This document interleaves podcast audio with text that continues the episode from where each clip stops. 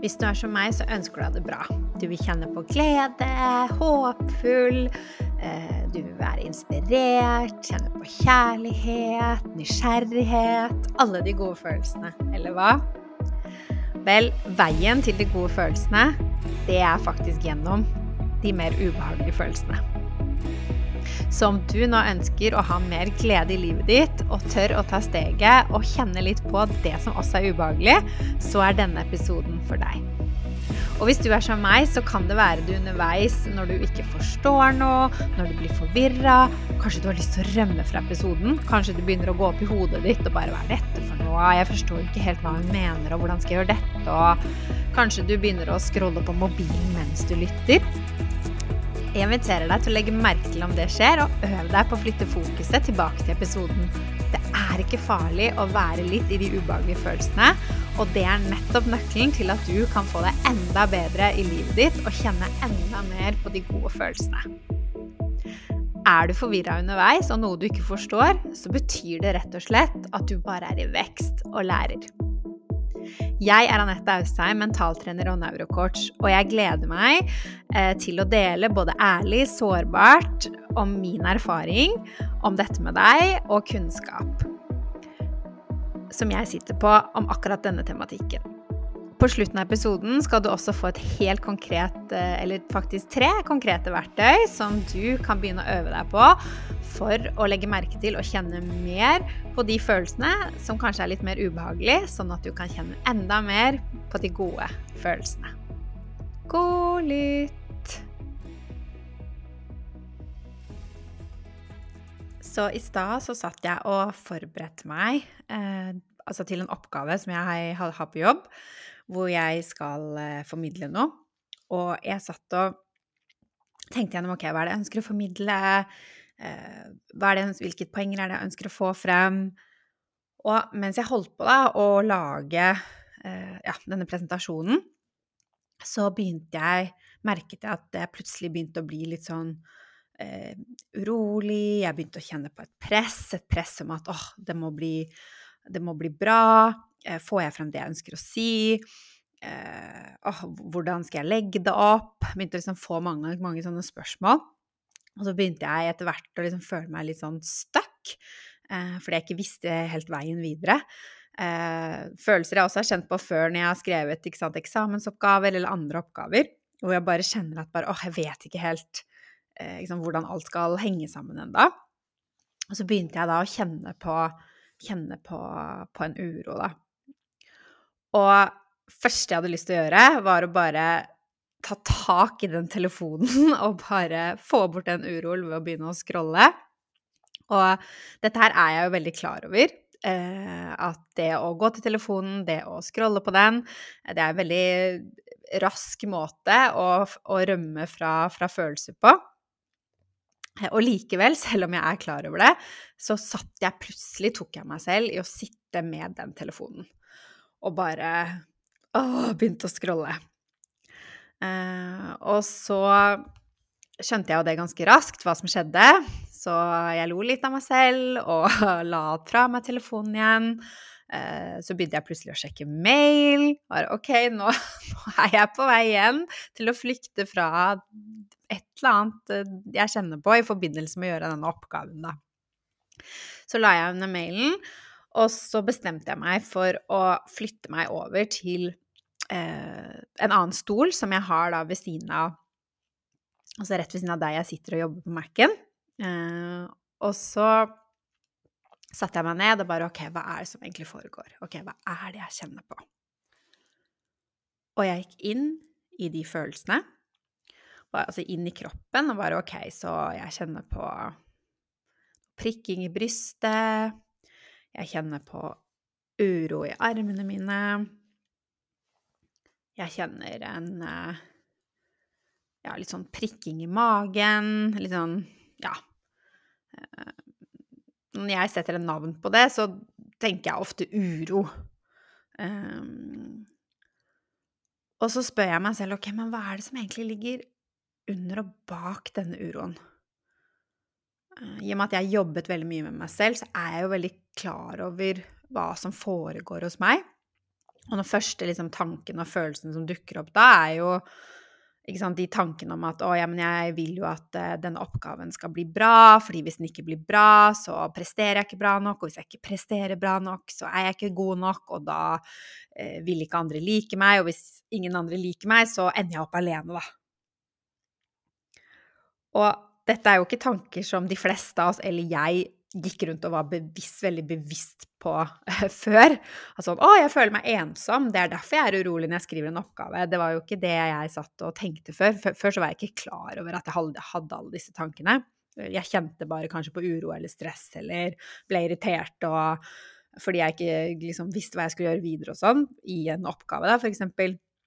Men jeg er jo veldig klar over hva som skjer. Og det er jo gamle barndomsfølelser som kommer og banker på døra hos meg.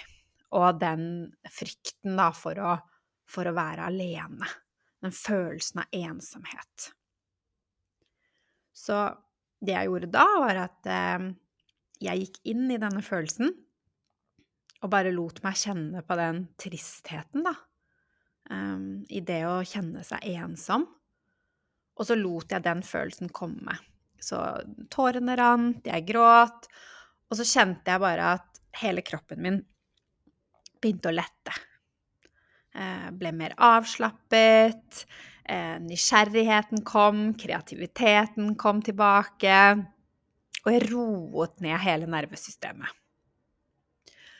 Og de gangene da hvor jeg ikke klarer å gjøre dette, hvor jeg spinner videre i å rømme fra følelsene mine, så kan jeg jo ende opp i et, uh, i et tankekjør. ikke sant? Grubling, analysering. Sitte f.eks. da med oppgaven og presse meg selv og bare 'Å, jeg må skrive noe, jeg må få til noe'. Uh, hvor man til slutt bare ender opp kjempesliten, eller at jeg sitter og scroller en halvtime. Uh, ja. sitter og tenker 'OK, hva skal jeg gjøre? Hva er det beste steget? hva skal jeg skrive neste gang?' Um, nei, kanskje hvis jeg gjør det på den måten, så blir det enda bedre. Ikke sant? Alle disse, disse denne, analyt, altså denne analysen, da, eh, som vi mennesker kan drive på med da, oppi hodet vårt. At vi er oppi hodet istedenfor å være i kroppen vår. Og eh, det som skjer da, er jo, for meg i hvert fall, at jeg bare blir enda mer sliten. Blir rett og slett sliten av meg selv. Og så tar det meg enda lenger bort fra de følelsene av sant, nysgjerrighet, håpfull, entusiasme, kreativitet, glede, alle de følelsene jeg har lyst til å kjenne enda mer på. Fordi når vi mennesker ikke klarer å romme de ubehagelige følelsene, altså de vi klassifiserer som ubehagelige, fordi vi ser på de som noe ubehagelig, noe vi ikke skal kjenne på, så klarer vi heller ikke å holde de gode følelsene i kroppen vår over tid. Og alle følelser, de er jo like viktige, ikke sant? Eh, følelser er jo vårt signalsystem. Eh, de kommer her med en beskjed fra deg til deg eh, om at OK, hei, hei, nå har du et behov som du trenger å dekke. Så ikke sant, sinne er her for å gi en beskjed om at nå er det noe som du opplever som kanskje urettferdig. Da kan du sette en grense for deg selv. Frykt er her for å beskytte deg, for å fortelle at ok, hei, hei, nå er det en fare på ferde. Gjør deg klar til å flykte eller kjempe. Tristhet er her og forteller deg at ok, nå er det kanskje noe du savner. Um, nå kan du søke, gi deg selv omsorg, uh, eller søke den omsorgen hos andre. Så alle følelser er jo her av en grunn, og de er like viktige, også de vi klassifiserer og putter i den såkalte ubehagelige eller vonde følelser eller negativ-boksen. Og hvis vi ikke møter den følelsen, og, og tillater oss å kjenne på den, og dekker det behovet følelsen er her for, så ender vi jo kanskje heller opp i å rømme fra den, da, ikke sant? Og det gjør jo veldig mange av oss til, da, at vi scroller rundt, eh, eh, overforbedrer oss, eh, forbereder oss til ting, ikke sant, perfeksjonerer, eh, er oppe og grubler og grubler over fortida, eller bekymrer oss over fremtida, Vi utsetter ting vi egentlig har lyst til. Så det er så mye vi mennesker gjør for å unngå å kjenne på det vi egentlig sitter og føler på. Og da kommer vi bare lenger og lenger og lenger bort fra oss selv og de følelsene vi egentlig ønsker oss mer av, da. Som glede og ja, nysgjerrighet, kreativitet Ja, ikke vet jeg hva du, hva du ønsker å kjenne mer på.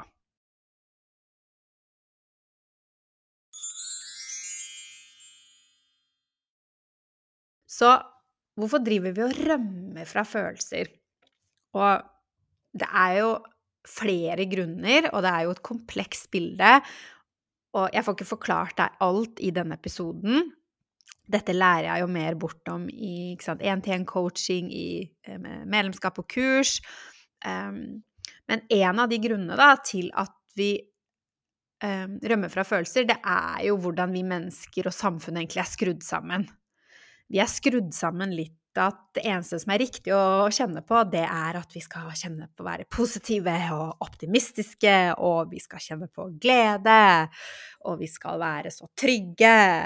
Eh, det er jo ikke noe å frykte, ikke sant? Vi skal ikke være lei oss og triste, fordi vi har det jo så bra her i Norge. Og um, Så vi føler kanskje, mange av oss, at vi egentlig må skjule at det ikke er riktig, da å kjenne det vi egentlig føler på. Og det er jo ikke sånn vi mennesker fungerer, at vi bare er glade, optimistiske, fornøyde, kjenner oss trygge. Vi har jo mange følelser. Vi er sinte. Eh, vi kan kjenne på tristhet. Eh, vi kan bli redde, nervøse. Vi kan kjenne oss ensomme. Eh, være fortvila, sjalu, såra, for å nevne noen følelser, da. Men mange av oss har jo lært da, at vi ikke skal kjenne på ubehagelige følelser. Vi skal ikke være lei oss og triste. Eh, så som et eksempel, da, som barn så gikk du Kanskje du var på tur med foreldrene dine i, i skogen, og så mistet du en pinne.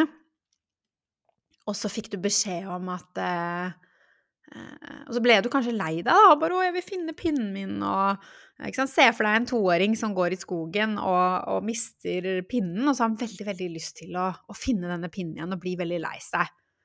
Og liksom automatiske responsen da, til, eh, til, foreldre er jo sånn Nei, nei, men herregud, vi finner bare en annen pinne. Det er ikke noe å være lei seg for det. Det finnes mange pinner i denne skogen.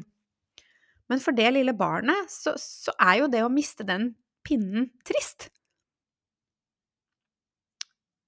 Og når foreldrene da eh, på en måte eh, sier til dette barnet at det er ikke noe å være trist for, så forteller jo eh, vi, da, og jeg sier også vi, for dette er jeg også skyldig å ha gjort flere ganger, men foreldrene vi forteller jo på en måte barna da at Nei, men eh, det er jo Det er jo ikke noe å være trist for. Det du kjenner på, det er ikke riktig, det er feil. Og det er den tolkningen mange av oss har gjort som barn. At vi har kjent at det vi kjenner på av følelser, det er ikke riktig, det må være feil, fordi foreldrene våre vil jo at vi skal føle noe annet. Og så blir vi redde for de følelsene. Jeg skal illustrere dette med et eksempel som, eh, som, jeg, har, som jeg låner fra dr. Becky, som er psykolog. Hun illustrerer dette så fint. Så du kan se for deg at du går i en park som barn, så går du rundt i en park. Og i den parken så er det mange benker. Og alle disse benkene, det er følelsene som du har. Og som du opplever gjennom barndommen din og ungdomstida. Så du har tristbenken, du har eh, skambenken, du har fryktbenken, du har gledebenken. Du har sjalubenken, ikke sant. Alle andre får, uh, får, den telefonen, og jeg får ikke benken. Ikke sant? Så vi har mange benker. Og som barn så vandrer du rundt mellom alle disse benkene. Så la oss si da at du som barn du, du satt på tristbenken fordi kanskje du mistet en pinne i skogen. Kanskje du Kanskje venninnen din ikke hadde lyst til å være sammen med deg etter skolen. Kanskje du hadde en besteforeldre eller en oldeforeldre som døde. Kanskje du ble mobba. Kanskje du ikke fikk eh, den karakteren du ønsker deg. Så det er veldig mange grunner til at vi kunne sitte på denne tristbenken, da. Det er helt vanlige ting som skjer. Helt vanlige ting som skjer.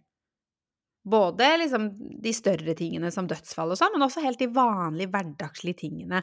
Og de små skuffelsene og avvisningene som vi opplever, da, som barn. Vi får ikke den isen vi har lyst på. Uh, kanskje uh, læreren blir irritert på oss. Det er mange ting da, som kan gjøre at vi kanskje kan kjenne oss triste. Og når vi sitter på den benken, og foreldrene våre sier 'Men det er ikke noe å være lei seg for. Den der pinnen, den vi bare finner en ny.' Eller 'Det er ikke noe å gråte for at du ikke fikk være med venninna di hjem.' 'Herregud, bare bli med en annen venninne hjem. Det løser seg. Det ordner seg.' Eller du sitter på nervøsbenken. Du er redd for å, å holde en presentasjon. Du har fått beskjed om å snakke foran en forsamling, og så er du redd for å holde en presentasjon. Og så sier eh, mammaen eller pappaen din at nei, men eh, det er ikke noe å være nervøs for, Else. Alle er litt nervøse, og det er ikke noe stress, og kom igjen, dette får du til, og dette, dette her går bra, dette her får du til. Um, det som skjer da, selv om våre foreldre gjør jo dette her for at de ønsker at vi skal ha det bra, de ønsker jo kanskje ikke at vi skal kjenne oss nervøse eller at vi skal være lei oss, og de ønsker jo at vi på en måte skal få det bra. Men det som skjer, da, er jo at Og de prøver på en måte å lure oss over til, til sin benk, til gledebenken, da. Ved å bare 'Kom hit! Kom hit!' Det er mye bedre på gledebenken. Nå, her, her skinner sola. Kom hit! Så, så hjelper ikke det, fordi du har ikke noe mer lyst til å eh, gå over på den gledebenken, fordi du sitter jo på en måte litt støkk i Eh, enten om det er nervøsiteten for en presentasjon du skal holde, eller eh, eh, tristheten over at venninnen din ikke ville at du skulle være med hjem, så sitter jo du i de følelsene. Men det som skjer, da, er at når foreldrene våre eh, prøver å lure oss over til, til den andre benken, til gledebenken f.eks., så skjer det to ting. Og det ene, det er jo at vi tror at det er noe feil sant, med den benken vi sitter på. Å, herregud, vi kan, ikke, vi kan, ikke, sitte på den benken. Det må, jo være skummelt å være nervøs, eller det må jo være noe feil med å være uh, trist. Uh, vi kan jo ikke sitte her, fordi foreldrene mine vil jo bare at jeg skal bli glad. Så det ene er jo at vi begynner å bli redde for de å sitte på de benkene selv. Og nummer to er jo at vi kjenner oss veldig ensomme på de benkene. Fordi vi blir sittende der helt alene. Så hvis en forelder hadde satt oss sammen med oss på den benken og bare åh, vet du hva, jeg kjøn, kjøn forstår deg godt, ja, at du blir lei deg når venninna di eh, ikke har, at, at, ikke at du har lyst til å ikke har lyst til å ha med deg hjem i dag, og du hadde lyst til å være med henne og sett for deg det, og så, og så blir du lei. Men vet du hva, det kan jeg forstå. Det kan jeg forstå. Vet du, det er lov å være lei seg for det. Da hadde jo du mer fått den omsorgen du, du trengte, da i det øyeblikket, som kunne gjort at du kunne rommet den følelsen av tristhet, og samtidig føle at du var sammen med en annen i det, som mest sannsynlig ville roet ned den følelsen. Men det som skjer istedenfor, er jo, når vi prøver å bli lurt over til de gledebenkene, det er jo rett og slett at vi, vi ikke klarer å eh, Vi føler oss ensomme, da, i de følelsene vi sitter på. Og så tenker vi at det er noe feil å kjenne på de. Det må være noe galt med å være redd, det må være noe galt å være trist. Vi kan ikke kjenne på de følelsene. Og jeg sier ikke dette for å fordele skyld. Um, fordi jeg har veldig tro på at uh, som foreldre, og jeg er mamma til to gutter selv, vi gjør det aller, aller beste med de ressursene vi har i det øyeblikket. Og foreldrene våre, de, inkludert meg selv, vi, vi har på en måte vi har jo lært av foreldrene våre igjen. Så til deg som lytter, da, altså dine foreldre, de gjør mest sannsynligvis det beste de kan med den informasjonen de har tilgjengelig, og vi ønsker det aller beste for barna våre. Så når jeg sier lure over til benkene og, og alt dette her, så handler det jo ikke om å lure noen, det handler om å, å gjøre det beste vi tror, det vi tror da, er best for barna våre i øyeblikket. Og foreldrene våre igjen, de har jo lært av sine foreldre, og den informasjonen vi har nå om følelser, og hvor viktig det er å være med barn i følelser, og la oss få lov å kjenne på det vi kjenner på, den informasjonen, den, den er jo ganske eh, ny. Eh, de fleste av oss har ikke lært det. Eh, sånn at Sånn at eh, det er gjort da i beste mening når, når dine foreldre f.eks. For prøver å få deg over til gledebenken, så er, gjør de jo det fordi de ønsker at du skal ha det bra. Eh, og så er dessverre det som kan skje, det er jo det motsatte. At du kanskje har følt deg ensom i dine følelser, eller følt at det du føler på, er feil, da. Så jeg sier ikke dette for å fordele skyld.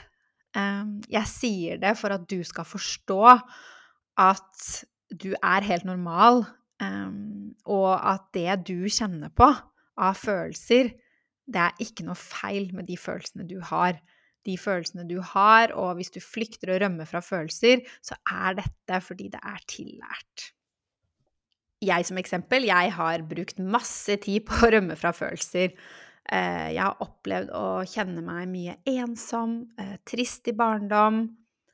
Og siden jeg syns den følelsen var så skummel å kjenne på, så resulterte det ofte at jeg gikk rundt og var mye sint istedenfor.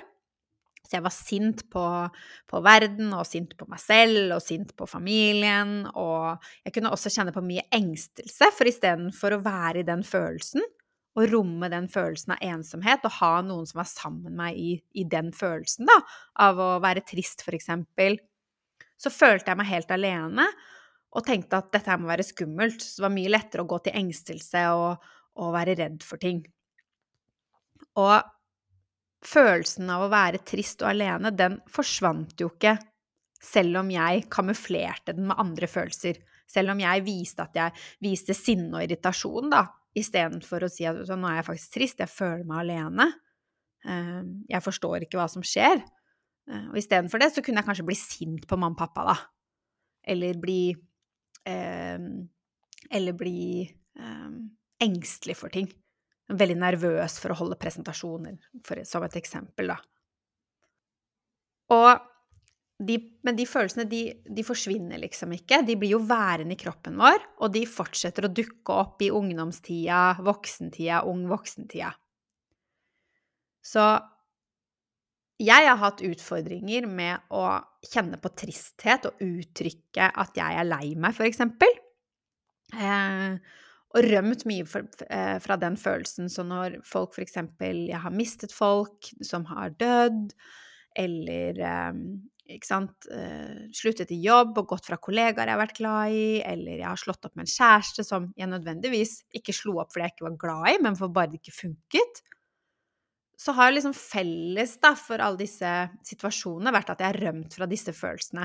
Og kanskje jobbet mye, ikke sant, overperfeksjonert ting, eh, kjent på mye stress og uro, engstet meg mye. Um, og jeg har ikke tillatt meg å kjenne på tristhet eller å uttrykke det. Og det har gjort at jeg også da har blokkert andre følelser, som glede, som et eksempel, da. Og når jeg sier det blokkert i, så høres det ut som jeg aldri har kjent meg glad. Det er ikke tilfellet. Jeg har kjent på glede, entusiasme, jeg har kjent på alle disse følelsene, men ikke over lengre tid av gangen.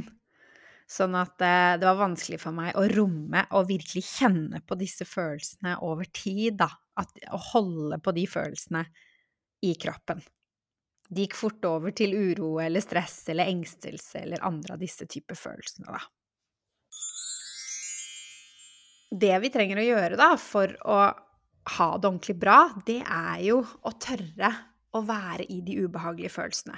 Altså tørre å kjenne på tristhet.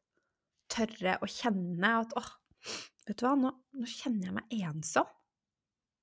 Det, det, er ikke farlig, fordi det er gammel følelse som dukker opp fra fortida. Det er ikke nødvendigvis det at, at jeg er ensom nå. Eh, eller tørre å kjenne at ok, nå er jeg litt nervøs, nervøs. Jeg er litt spent fordi jeg skal holde en presentasjon. Og når jeg sier dette til folk, så pleier jeg ofte å bli møtt på sånn ja men, ja, men jeg har kjent meg mye trist, og jeg har kjent på mye frykt, og, og hvis jeg kjenner mer på de følelsene, så, så kanskje jeg bare blir stuck i de. Og jeg kan forstå um, Jeg kan forstå um, dette, altså de spørsmålene, men det er ikke tilfellet. Fordi La oss for eksempel se på nervøsitet, da. La oss si du skal snakke foran en forsamling. Og idet du får beskjeden da, om at du skal snakke for den forsamlingen, la oss si du er som meg, så kjenner du kanskje deg nervøs eller usikker. Men isteden for å kjenne på den følelsen og tenke at 'å, nå er jeg litt nervøs', og 'dette kan jeg kjenne på i kroppen', og 'det er helt ok', de, de kan få lov å være der så går du kanskje mer opp i hodet ditt, begynner å overtenke. 'Å nei, jeg liker ikke å snakke foran forsamlinger, og da blir jeg så nervøs', og 'tenk om jeg glemmer det jeg skal si', og 'tenk hvis andre ikke liker det', og kanskje du begynner, hvis du er som meg, da, over, altså, overforberede deg, ikke sant, sitte i mange dager før, eh, skrive ned alt du skal si. Eh, og liksom øve og øve, øve, øve. Og nå sier jeg ikke det er noe galt med å forberede seg og øve til ting, men det handler om om du gjør det sant, fra et sted av glede og motivasjon og nysgjerrighet og bare 'Å, dette blir bra', eller om du gjør det med et sånt stort press over deg om å prestere. Og hvis du da fortsetter, så kanskje du begynner å bekymre deg, og så blir kroppen din mer anspent, kanskje hjertet ditt begynner å banke, kanskje du blir svimmel, og kanskje den første følelsen du egentlig satt med i kroppen, som var litt sånn 'ja, jeg er litt nervøs', den ender plutselig opp i engstelse. Istedenfor å bare gå inn i den OK, nå var jeg nervøs, og ja, vet du hva, det, det er helt OK å kjenne på. Um, det samme med tristhet. Um, det å, å, kjenne på Ikke sant, når jeg kan nå um, bli minnet på eksempel, jeg hadde en venninne og som døde for 14 år siden. Og i, var det i går eller for noen dager siden, så ble jeg påminnet henne igjen fordi at eh, jeg hørte på en sang som minnet meg om henne. Og da kjente jeg litt på de følelsene jeg kjente på da, at jeg ble faktisk litt trist, og så lot jeg meg selv gråte. Um, og så ble jeg liksom enda mer bevisst på at åh, de følelsene, de har jeg lagt lokk på. De følelsene som jeg kjente på for alle de år siden, da. De de la jeg lokk på um, den gangen. Fordi at uh, da hun døde, så ble jeg Husker at jeg ble veldig lei meg, men jeg tenkte også at ja, men jeg har ikke noe rett til å være lei meg. Jeg har ikke noe rett til å kjenne på den sorgen. Fordi at uh, familien hennes er nærmere, og uh, bestevenninnen min, da, som var bestevenninnen min på den tiden, var hennes bestevenninne. Jeg tenkte at ja, men hun er enda nærmere og, og, kjenner henne enda bedre, så jeg har ikke noe rett til å være lei meg over henne. Så jeg la mye lokk på de følelsene. Og de følelsene, de forsvinner jo ikke. Så selv om jeg da flykter fra de, eh, ikke kjenner på de, eh, ikke lar meg selv gråte, og ikke misforstå, jeg gråt nok i begravelsen og sånn, men jeg har nok også ganske raskt lagt lokk på de. Men når vi kan f.eks. kjenne på tristhet da for noe vi har mistet, om det er en jobb, om det er et studie vi ikke kom inn på Og det kan være en sorg, det i seg selv, det å ikke komme inn på et studie, fordi det er en drøm du har hatt. Du har kanskje sett for deg at det studiet skal inn på, kanskje vennene dine kommer inn der, og så kommer ikke du inn. Så er det lov å kjenne at du er trist over det. Og når vi kan kjenne da på tristhet for noe vi har mistet, om det er et kjærlighetssorg, eller en venninne som har flyttet, eller at vi ikke fikk den jobben vi ønsket oss, så er det også akkurat som at det er en tung bør som faller av skuldrene våre, og vi kommer litt tilbake til oss selv igjen, og de, glede, og de følelsene av glede, kreativitet, nysgjerrighet, håpfull Alle disse følelsene som vi har lyst til å kjenne mer av. Det handler ikke om å være trist over lang tid, eller å gå rundt og kjenne på frykt, masse frykt hele tiden. Det er det motsatte. Når vi møter følelsene våre, så er det motsatte som skjer. Det er snakk om noen sekunder, minutter. Det handler om å anerkjenne at, vet du hva, jeg ble faktisk litt trist, jeg. Over at eh, jeg ikke kom inn på det studiet, eller jeg ble faktisk litt lei meg jeg, over at eh, alle de andre jentene var invitert på den middagen, ikke jeg. Og vet du hva, det er faktisk litt lov å kjenne at jeg ble lei meg over det. Det skjønner jeg. Å sitte litt på benken sammen med deg selv og gi deg den omsorgen du trenger, og la deg selv få lov til å gråte. Det betyr ikke at du kommer til å bli i den tristheten, eller gå rundt og være depressiv. Det er egentlig det motsatte. For når vi rømmer fra følelsene, det er jo nettopp da vi ender opp i tilstander som at vi blir depressive, vi blir slitne, eh, vi kan bli øh, engstelige. Ikke sant? Fordi vi scroller mye på mobilen, vi ser på Netflix, vi går rundt og spiser søtt. Vi jobber veldig hardt, vi perfeksjonerer, vi har tankekjør. Ikke sant? Bekymrer oss over fremtiden eller grubler over fortida. Og det er så mange strategier vi har, vi mennesker, for å unngå følelser. Og de strategiene de leder oss bare langt, langt bort fra oss selv. Og så ender vi opp med å løpe rundt i dette hamsterhjulet og opplever at vi ikke har tid til noen ting. Og så kanskje vi ender opp da i engstelse, være deprimerte, slitne, eller en sånn følelse av at var det dette livet hadde å by på? De følelsene er i hvert fall jeg kjente på. Så hva kan du gjøre da? Det første, det er jo å bli klar over hva du holder på med, ikke sant? Så begynn å utforske litt hvilke mestringsstrategier har du for å unngå følelser. Scroller du mye på telefonen? Spiser du noe søtt? Eh, binger du Netflix? Eh, perfeksjonerer du? Skal ha A i alle fag? Prestere topp på idrettsbanen? eh, være den perfekte venninnen? Perfekte datteren? Kuleste gutten i klassen? Eller har du også som meg mye tankekjør? At du grubler over fortida? Åh, hva hvis, eh, hva hvis de ikke liker meg? Hva tror du de tenker om meg? Um, å, sa jeg noe feil der? Eller bekymrer deg over fremtiden? Å, hva hvis jeg ikke kommer inn på det studiet? Hva hvis jeg ikke får den jobben? Uh, hva hvis det skjer noe uh, Hva hvis uh, Ja, hva hvis dette foredraget ikke går bra? Eller kanskje du har en kombinasjon av de? Det har i hvert fall jeg. Og vi har ofte det, vi mennesker. Så legg merke til i hverdagen hva du driver med, egentlig. Og begynn å notere deg ned litt av de, og liksom legg merke til, og da kan du se på det litt med humor. Litt sånn Oi, ok, er det dette jeg holder på med? Aha! Aha! Ok. Ta på deg de nysgjerrighetsbrillene. Eh, ikke døm deg selv for det du gjør, fordi det du driver med, det driver vi mennesker med, alle og enhver. Og også oss, vi som har jobbet med oss selv og kan dette her. Ikke sant? Jeg vet at psykologer holder på sånn. Eh, jeg kollegaer av meg. Så dette her er helt, helt vanlig å, å, drive med. Vi er bare ikke så veldig bevisste, de fleste av oss, at vi driver med de for å unngå følelser. Men øv deg nå fremover, for nå er du bevisst det, nå er du klar over det. Ta på deg nysgjerrighetsbildene og begynn å legge merke til hva er det jeg egentlig driver med. Hvilke strategi, mestringsstrategier er det jeg har? Så kan du begynne å notere ned for deg selv.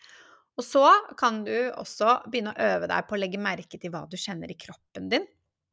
Så, så når du f.eks. La oss si du begynner å legge merke til at du scroller mye på telefonen, da. Så øv deg på å liksom tenke etter hva som skjer før jeg scroller. Hva er det jeg kjenner på da? Hva er det jeg gjør for noe? Eh, sitter du og jobber med en oppgave til skolen? Eh, sitter du sammen med venner, og så plutselig tar du opp telefonen istedenfor å være til stede? Altså, legg merke til hva er det som skjer rett før du scroller på den telefonen. Hva er det du kjenner på da i kroppen? Og øv deg, sett litt ord på det. Ok, er det prikking i magen?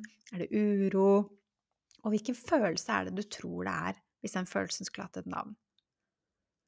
Og det her er eh, det er ikke noe jeg har lært meg på 1, 2, 3. Jeg øver fortsatt. Sånn at hvis du ikke får dette til med en gang, så er det helt, helt vanlig.